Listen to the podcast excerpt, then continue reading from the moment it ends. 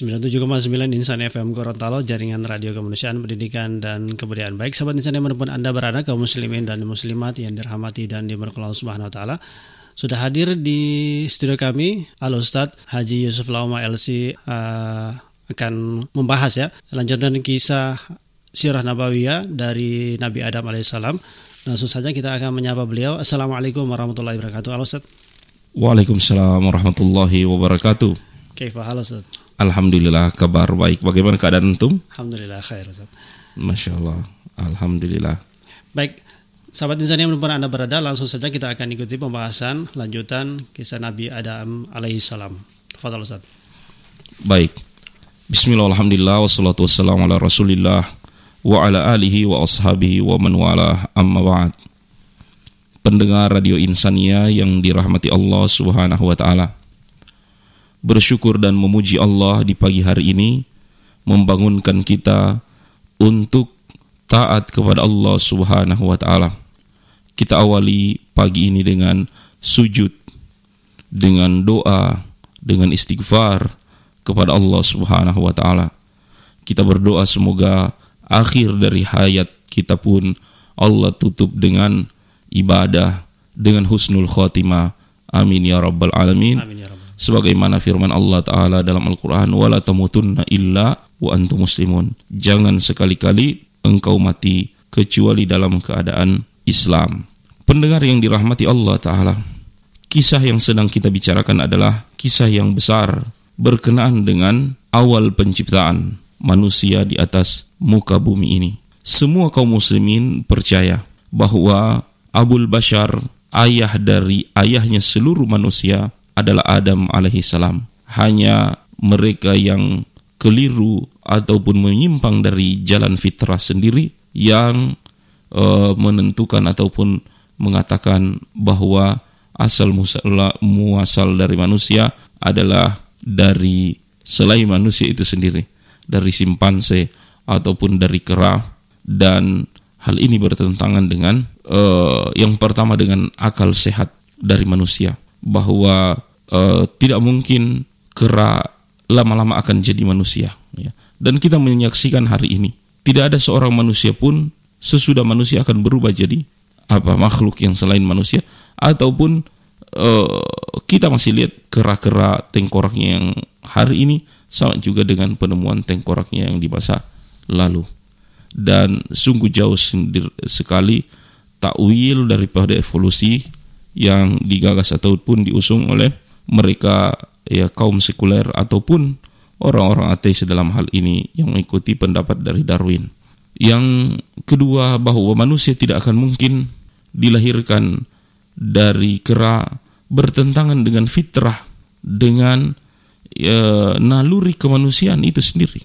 Dan jemaah sekalian dirahmati Allah, ya ketika di dalam kelas terjadi perdebatan antara apakah manusia diciptakan dari kerah ataupun dari Adam alaihissalam, ternyata tidak seorang pun dari murid-murid yang berbantahan tersebut, ya, ada yang mau ayahnya ataupun leluhurnya berasal dari kerah, semua menginginkan dari Adam alaihissalam.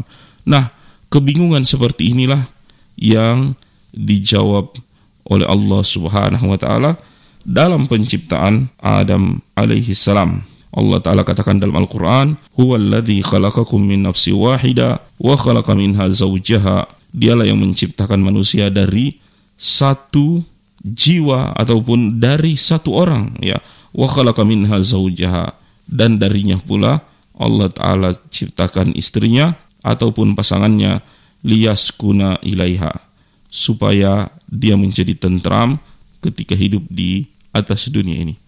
Jadi Allah taala jelaskan min nafsi wahida. Dari satu jiwa dari satu orang.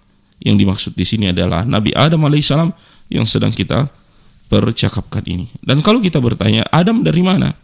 Maka Allah taala jawab pula di dalam Al-Qur'an khalaqnal insana min salsalim min hamaim masnun. Kami ciptakan manusia itu dari salsal ya. Dari tembikar min hamai masmun mas masnun ya. Wal jan khalaqnahu min qabl min naris samum. Adapun jin itu kami ciptakan dia dari api yang bernyala-nyala. Dan kita telah membahas awal penciptaan ini di kajian kita pada beberapa waktu yang lalu ketika Allah taala katakan kepada malaikat bahwa inni ja inni khaliqum basyaram bahwa aku ingin menciptakan manusia min solsol min hamaim masnun dari tembikar dari tanah yang telah dicetak ataupun diadon sehingga mengeras fa idza sawaitu wa nafakhtu fihi ruhi faqa'u lahu sajidin kalau aku telah ciptakan dia dan telah tiupkan ruh kepadanya, sujudlah kalian kepadanya. Fasajadal malaikah, maka sujudlah semua malaikat, kulluhum ajma'in. Semua mereka. Dan pendengar yang dirahmati Allah subhanahu wa ta'ala, ada empat kemuliaan dalam penciptaan Adam alaihissalam yang diceritakan oleh Al-Quran ini. Dan kita sebagai manusia mengambil pelajaran dari sini betapa Allah Ta'ala menyayangi dan mencintai manusia. Kata Allah Ta'ala dalam Al-Quran, Fa'ida sawaituhu. Bahwa Adam itu dicetak langsung, dibentuk langsung. Sawaituhu, itu aku yang membuatnya langsung. Jadi yang mencetak, yang uh, mengadon, yang yang membentuk adalah Allah Subhanahu wa taala sendiri. Tidak menyuruh malaikatnya, tidak menyuruh satu di antara makhluk-makhluknya. Dan ini sebuah kemuliaan. Tentang penciptaan diciptakan langsung oleh Allah Subhanahu wa taala. Wa nafakhtu fihi ruh. Dan ini kemuliaan yang kedua. Allah taala langsung yang meniupkan ruh maka kalau cetakan manusia ya dibentuk oleh Allah Subhanahu wa taala dan nyawa dari manusia ditiupkan langsung oleh Allah Subhanahu wa taala ini adalah kemuliaan yang ketiga faqa'u lahu sajidin maka ketika terbentuk Adam alaihissalam, Allah perintahkan sujudlah kepada Adam alaihissalam. Dan ini sedikit akan kita bicarakan tentang sujudnya seluruh uh, makhluk Allah Ta'ala kecuali iblis. Jadi ketika sudah dibentuk ini Adam, semua sujud kepadanya. Ini kemuliaan yang ketiga. Lantas kemuliaan yang keempat apa? Bahwa kemuliaan yang keempat adalah wa'allama Adam al-asma kullaha. Allah yang mengajarkan semua nama-nama kepada Adam alaihissalam. Jadi fisiknya dibentuk, ruhnya ditiupkan, diberi penghormatan dan ilmu pun diajarkan langsung oleh Allah Subhanahu wa taala. Maka betapa ini adalah sebuah kemuliaan. Fasajadal malaikat kulluhum ajmain. Semua malaikat itu sujud kepadanya semuanya. Illa iblis aba ayyakuna ma'as sajidin. Kecuali iblis yang dia uh, enggan, kecuali iblis yang tidak mau sujud sama-sama dan tidak sujudnya iblis ya kepada Adam itu ditanya oleh Allah qala ya iblis malaka alla takuna ma'as sajidin dan pendengar bisa melihat dialog ini tertulis di dalam Al-Qur'an surah Al-Hijr dari ayat 26 ya, dan seterusnya wahai iblis Malaka Allah takuna ma'as sajidin. Wahai iblis, kenapa engkau tidak termasuk orang yang mau sujud bersama dengan para malaikat? Qala lam akun li asjuda li basyarin khalaqtahu min solsalim min hamaim masnun. Iblis mengatakan bahwa aku tidak akan pernah sujud kepada manusia yang engkau ciptakan dia dari tanah, solsol, tanah yang telah dicetak ataupun dibuat uh, seperti kalau kita kan biasa mencetak itu cetak tanah itu bikin tela ya, ya bikin uh, ubin untuk ya, membangun apa dinding dan seterusnya. Jadi engkau ciptakan dia dari tanah yang dicetak seperti itu akan kepongahan daripada iblis itu maka Allah taala katakan fakhruj minna fa innaka rajim. Keluarlah engkau sebab engkau termasuk ya terkutuk di dalam surga itu. Jadi tidak layak surga dihuni oleh orang ataupun makhluk yang memiliki uh, keangkuhan, kesombongan. Kata Rasulullah SAW dalam hadis, la yadkhulul jannah man kana fi qalbihi mithqala dzarratin min kibir. Tidak akan dimasukkan ke dalam surga siapa yang di dalam hatinya ada sebiji zarah dari kesombongan. Kesombonganlah yang menyebabkan iblis keluar dari surga. Dan alasan juga iblis tidak mau sujud kepada Adam karena melihat bahwa tanah itu sebagai bahan cetakan Adam lebih rendah daripada api yang merupakan muasal daripada iblis. Dan di sini pendengar yang dirahmati Allah, kesombongan orang tentang asal usulnya sama dengan kesombongan iblis ketika merendahkan orang lain tentang asal usulnya ya.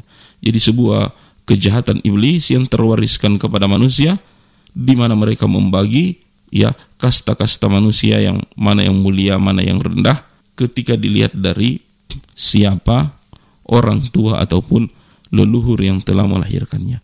Sifat-sifat jahiliyah seperti ini ya oleh Rasulullah SAW dalam haji wada Nabi SAW ya sudah menunjuk ke bawah dari sandalnya mengatakan al yaum ya semua adat hari ini semua kepercayaan semua adat semua takalid ya semua kebiasaan yang dijunjung tinggi selain Islam tahta qadamai hada ada di bawah sandalku ini kata Nabi sallallahu alaihi wasallam karena al-islamu ya'lu wa la Islam agama itu tinggi.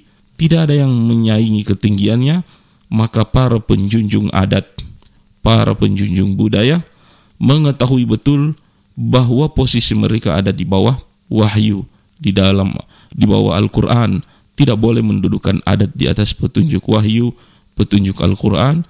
Dan para orang tua kita di khususnya di daerah kita Gorontalo juga sangat arif dan bijaksana ketika melahirkan sebuah perkataan bahwa adat didudukkan ataupun bersendikan dengan Al-Quran ya. Adat hula hula atau uh, syariati ya. Adat bersendikan syar syara atau syariat. Ini adalah sebuah kearifan di mana semua yang kita akui sebagai adat harus dalam panduan syar'i ataupun dalam panduan agama teringat dengan apa yang dikatakan oleh Nabi Shallallahu Alaihi Wasallam tadi. Dan pendengar yang dirahmati Allah Subhanahu Wa Taala keakuan iblis yang mengatakan anak khairu minhu yang tidak mau sujud kepada Adam alaihissalam karena dia mengatakan saya lebih baik darinya. Anak khairu minhu. Ya saya lebih baik darinya. Ya khalaqtani min nar wa khalaqtahu min tin. Dalam surah al-a'raf ayat 12 engkau ciptakan dia engkau ciptakan aku dari api sedangkan engkau ciptakan dia dari tanah maka benarkah api itu lebih baik daripada tanah sebagaimana klaim daripada iblis yang merendahkan Jamaah sekalian yang dirahmati Allah Subhanahu wa taala. Tidak selamanya atau tidak benar bahwa api lebih baik daripada tanah. Kecuali pandangan itu karena hasad, karena kedengkian yang lahir dari iblis itu sendiri. Kenapa? Sebab kalau dilihat sifat-sifat dari tanah tersebut, sifat tanah itu adalah dia selalu tenang, pembawaannya selalu tenang.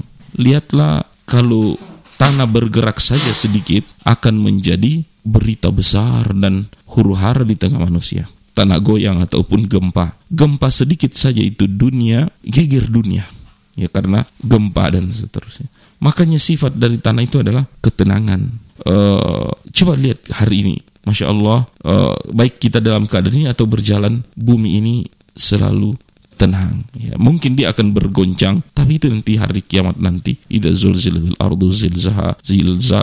Jadi pembawaan daripada tanah itu selalu tenang dibandingkan dengan pembawaan api bergejolak. Api walaupun nyala dalam lilin tetap kita melihat bahwa nyala api yang kecil atau lilin itu dia bukan tidak tenang, tidak setenang tanah itu sendiri. Ya, tanah antum bentuk atau apa, taruh saja di sebuah tempat, dia akan tenang. Ya, makanya disebut dengan sakinah.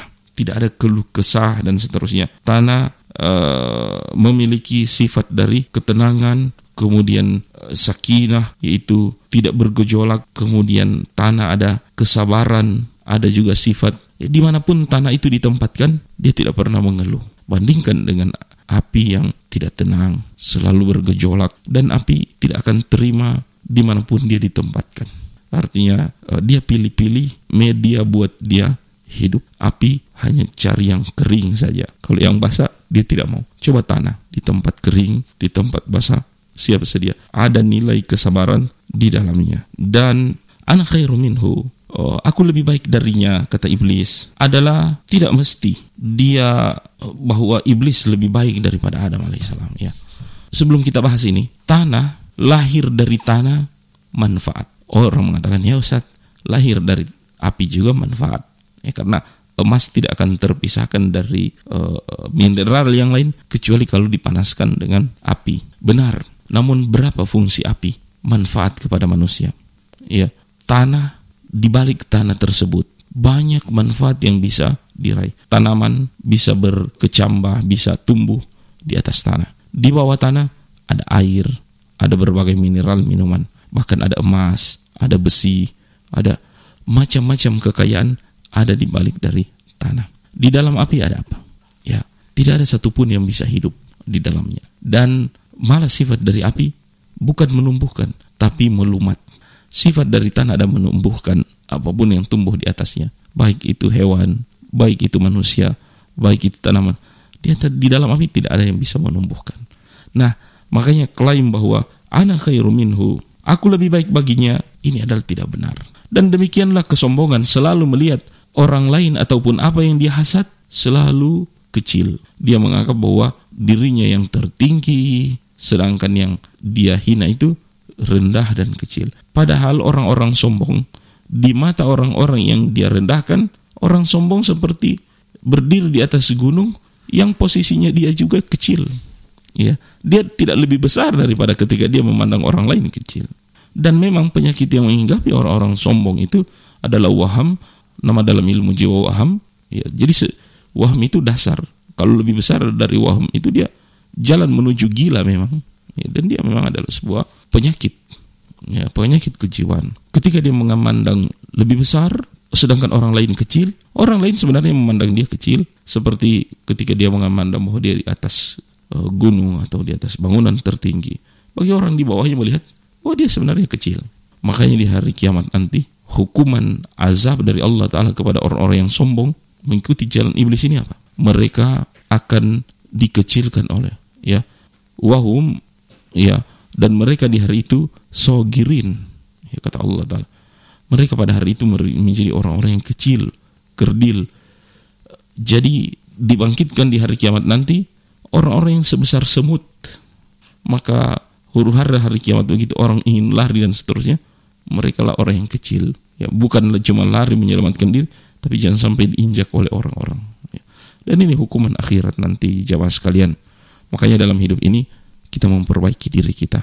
Eh, bukan orang sombong saja artinya orang yang sel berdosa atau maksiat yang lain saja akan menemui hal ini di hari kiamat nanti. Ya Rabbi lima hasyartani ama wa qad kuntu basira. Di hari kebangkitan nanti ada orang-orang yang mengeluh kepada Allah Ya Allah, aku ini kenapa jadi buta? Padahal dulu aku melihat. Kata Allah Ta'ala, Wa kadzalika al-yawma tunsa. Begitu pula kalian hari ini, kalian akan dilupakan sebagaimana dulu juga kalian lupa ya kepada kami yaitu kepada perintah-perintah dari Allah Subhanahu wa. Pendengar yang dirahmati oleh Allah Subhanahu wa maka terjawab sudah bahwa klaim dari iblis ana khairu minhu, saya lebih baik baginya dilihat dari asal usul saja tanah lebih baik daripada api. Ya. Dalam perilaku sekalipun ternyata yang menang banyak itu Adam alaihissalam. Walaupun iblis mengerasa lebih baik, tapi kan tidak ada yang sebaik Adam ketika penciptaan cetakannya dicetak oleh Allah. Ketika uh, ruhnya ditiupkan langsung, disuruh sujud semua malaikat sesudah penciptaannya. Ini betul-betul kehormatan. Apatah lagi tentang ilmu yang hanya ditahu oleh Adam, tidak ditahu oleh iblis. Ya, sobat insan ini di mana pun Anda berada, kami masih memberikan kesempatan bisa berinteraktif bersama kami di line telepon kami atau di SMS atau di WhatsApp bisa di 08111360979. Sekali lagi, Anda bisa bergabung eh, kami mengundang Anda bisa berinteraktif bersama kami bersama Al Ustadz uh, Haji Yusuf Lauma LC SI dalam kajian Sirah Nabawiyah kisah Nabi Adam alaihissalam di 08113600979 bisa di SMS atau di WhatsApp. Sekali lagi bisa di 08113600979. Pendengar yang dirahmati Allah Subhanahu wa taala, sebagian dari orang-orang ketika membahas tentang Adam dan memang di ada sebuah episode dalam kehidupan Adam alaihissalam ketika Allah menyuruh malaikat sujud kepadanya, kecuali iblis yang enggan. Sebagian orang bertanya, e, berarti iblis itu bagian dari malaikat. Karena Allah mengatakan disuruh bersujud semua malaikat kecuali iblis. Artinya penyebutan pertama adalah semua malaikat kecuali iblis. Berarti iblis adalah malaikat itu sendiri. Wallahu alam tentang teori ataupun pendapat tersebut.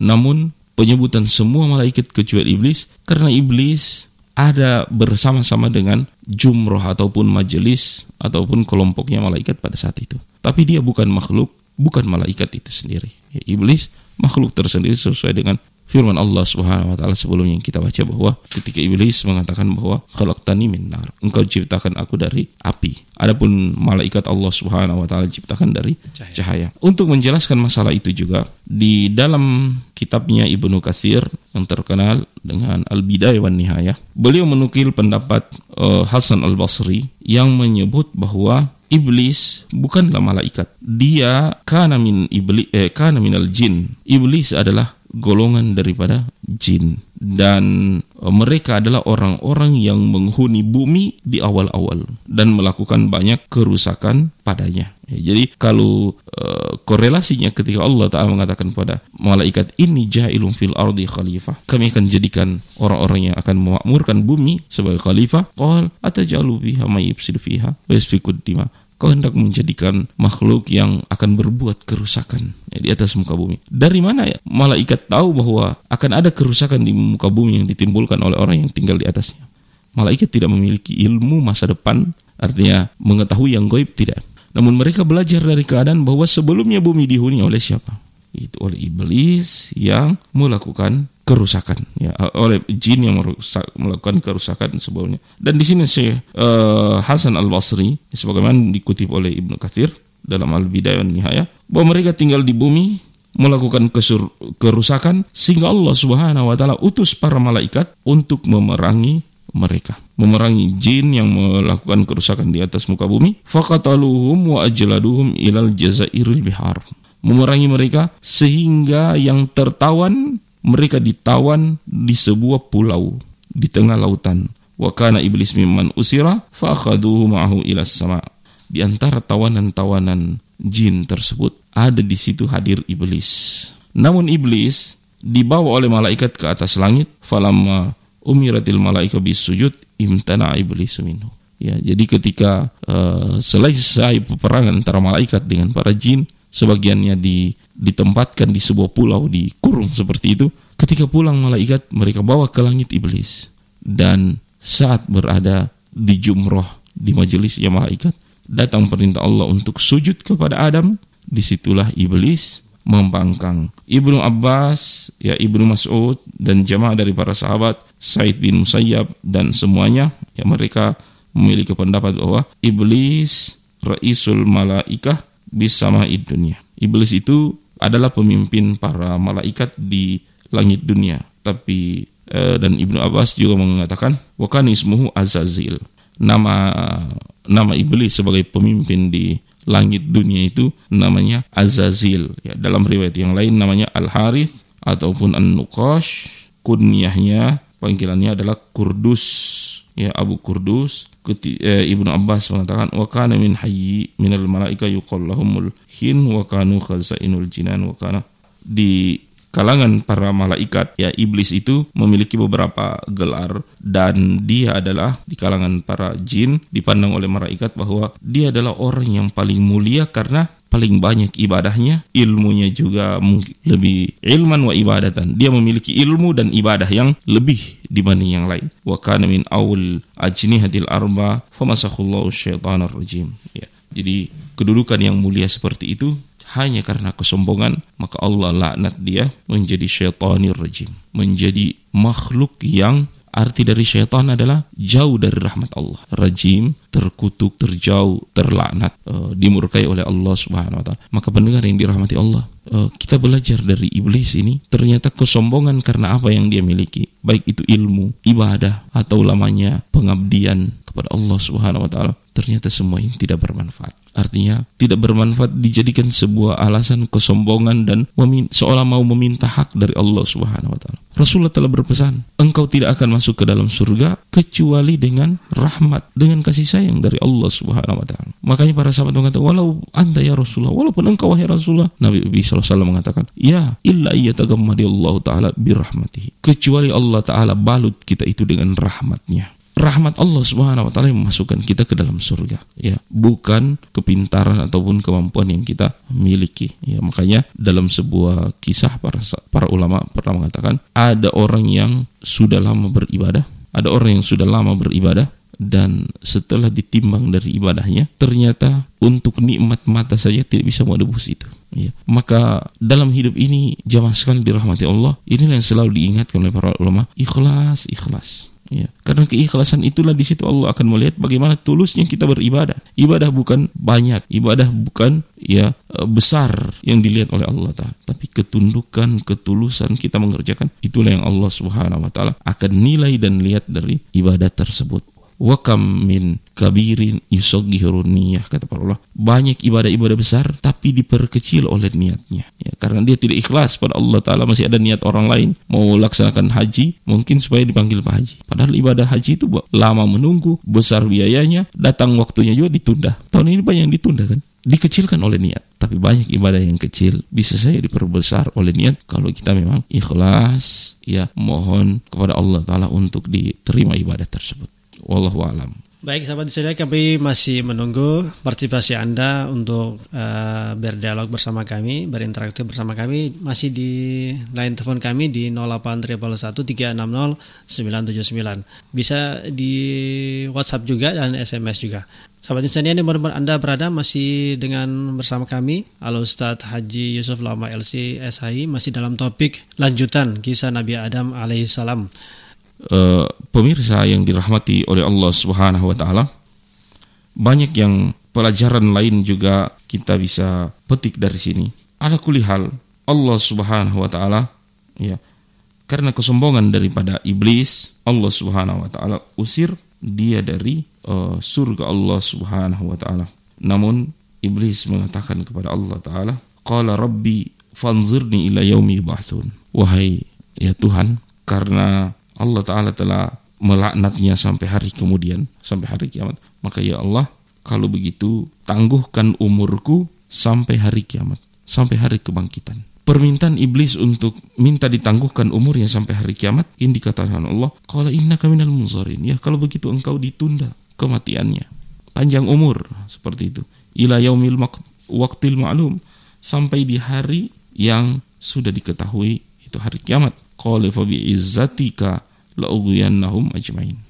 Sesudah permohonan untuk umur panjang ini diberi oleh Allah Ta'ala, maka dia mengatakan, demi kemuliaanmu, la'ugwiyannahum ajmain. Aku akan celakakan mereka semua ini. Ini manusia ini sampai hari kiamat. Maka pendengar yang dirahmati Allah, selamanya iblis ataupun setan akan menjadi musuh dari manusia. Walaupun kita manusia ini kadang-kala memperlakukan setan itu sebagai teman. Tapi ketahuilah ketika antum menganggap dia sebagai teman, tetap dia yang pura-pura jadi teman itu akan melihat engkau sebagai musuh. Musuh yang dia akan celakakan. Ini sumpahnya kepada Allah Subhanahu wa taala, ya. Dan silakan suruh lihat surat Sot percakapan itu dari surat Sot ayat 71.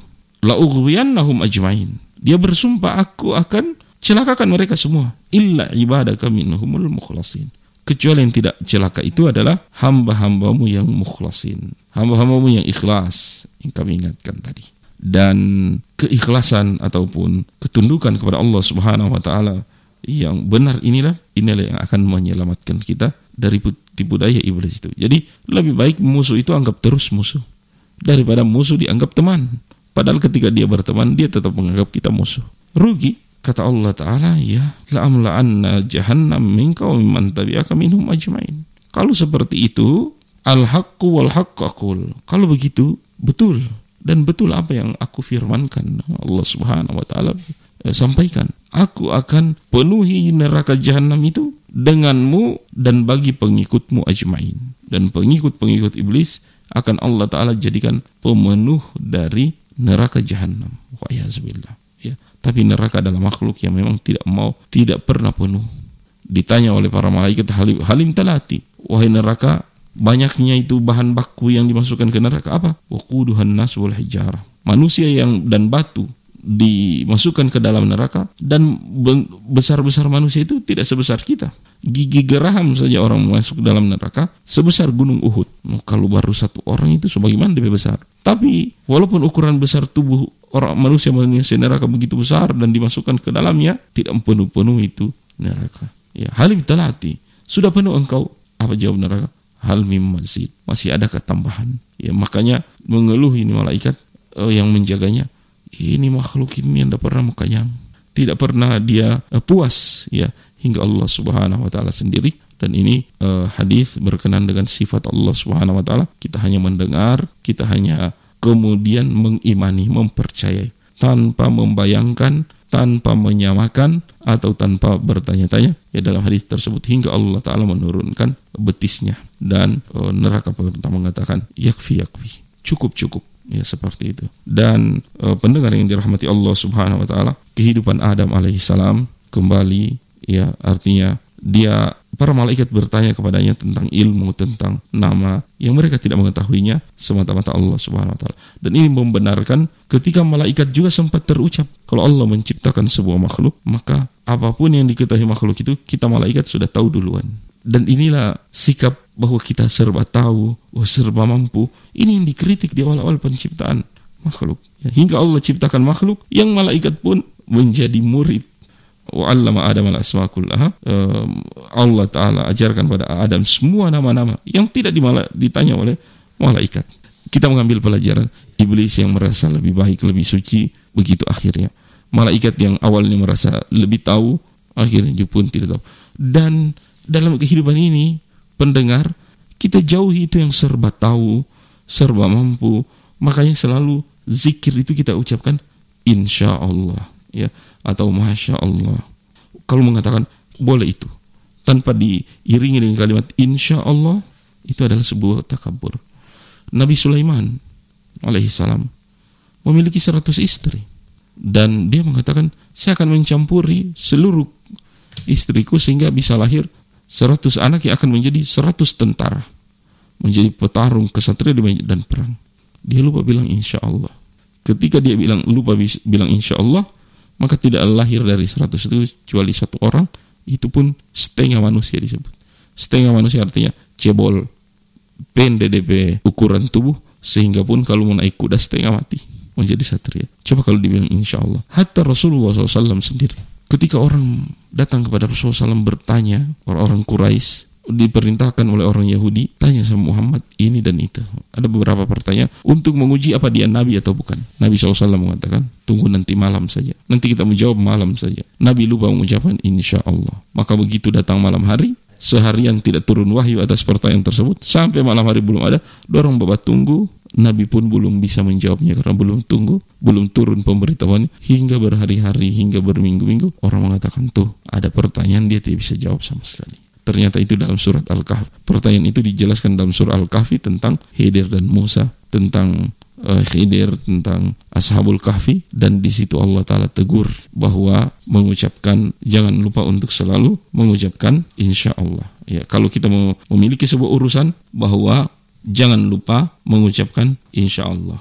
Itu ada dalam surat Al-Kahfi ketika Allah Subhanahu wa taala menegur Rasulullah sallallahu alaihi wasallam bahwa sebuah urusan harus insya Allah ya agar tidak terjadi kelalaian dalam hidup. Kata Allah Ta'ala, taqulanna li syai'in. Jangan pernah mengatakan tentang sesuatu, inni fa'ilun dzalika qada. Bahwa aku akan kerjakan sesuatu itu besok. Illa ayyasha Allah. Kecuali, ya, sesuatu yang besok itu ayyasha Allah. Kecuali kalau dikehendaki oleh Allah. Jadi kalau kita mengatakan saya akan bikin ini besok, jangan lupa bilang insya Allah. Insya Allah karena Allah lah yang akan merestui jadi atau tidaknya urusan tersebut. Makanya di situ para ulama mengatakan insya Allah itu tahkikan, la ta'likan. Ketika kita mengucapkan insya Allah, betul-betul dia sebagai penguat bahwa kita benar akan melakukannya. Bukan ta'likan. Ta'likan bukan la ilaha, eh, bukan insya Allah sebagai alasan. Alasan bagi kita bahwa perbuatan tersebut tidak mau dikerjakan. Ya, jadi kita mengucapkan insya Allah, betul-betul saya mengerjakan minta tolong dari Allah Subhanahu Wa Taala bukan sebagai alasan supaya dihalangi oleh Allah Subhanahu wa taala. Itu itu maksudnya itu. Ya, jadi jangan dijadikan dia sebuah modus memalingkan daripada janji. Dan tahukah kita dalam tanda-tanda orang munafik itu ada tiga, satu di antara tanda tiga kemunafikan adalah berjanji diingkari. Tahukah berjanji diingkari itu bukan orang yang tidak menepati janji karena sebuah alasan. Tapi yang disebut dengan tidak menepati janji wa idza ada akhlafa, orang yang mengingkari janji adalah di saat dia janji di dalam hati mengatakan kita tidak backing ini. Itulah yang disebut kemunafikan. Adapun orang yang janjian ketemu tapi ada alasan yang dia tidak bisa hindari. Ketika dia tidak batalkan, oh jadi munafik dia. Kenapa? Ada tanda-tanda munafik dia. Jika berjanji dia di, diingkari. Bukan itu yang dimaksud. Syekh Utsaimin rahimahullah ketika ta'lil hadis tersebut mengatakan yang disebut janji yang diingkari di saat dia berjanji, di dalam hatinya dia mengatakan, kita mau ingkari itu. Apalagi orang yang mengingkari sebuah perjanjian dengan insya Allah tadi. Baik sahabat di sana di mana pun Anda berada, tak terasa sudah di pukul 6 lebih 4 menit waktu Indonesia Tengah. Tak terasa usai sudah kebersamaan kita di program kajian Sirah Nabawiyah edisi hari ini Selasa 8 September 2020. Dan insya Allah kita akan uh, melanjutkan kembali kisah Sirah Nabawiyah berikutnya di jam yang sama. Insya Allah uh, dalam pertemuan kita berikutnya adalah uh, mengantarkan Adam alaihissalam menemui pasangan hidupnya yaitu Hawa. Dan ini masih ngomong-ngomong penciptaan. Adam ini Allah ciptakan tidak ada ayah, tidak ada ibu. Dan ini manusia ada empat penciptaannya. Empat macam penciptaan yang akan kita bahas itu kalau yang tidak ada papa, tidak ada mama itu Adam. Kalau yang tidak ada papa, cuma ada mama, itu Isa alaihissalam. Cuma Maryam, tidak ada bapaknya. Kalau yang punya papa, punya mama, itu kita manusia hari ini. Kalau manusia yang hanya punya papanya, ya artinya hanya ada laki-laki, tidak ada unsur perempuan, itulah Hawa. Berarti Hawa diciptakan dari Adam.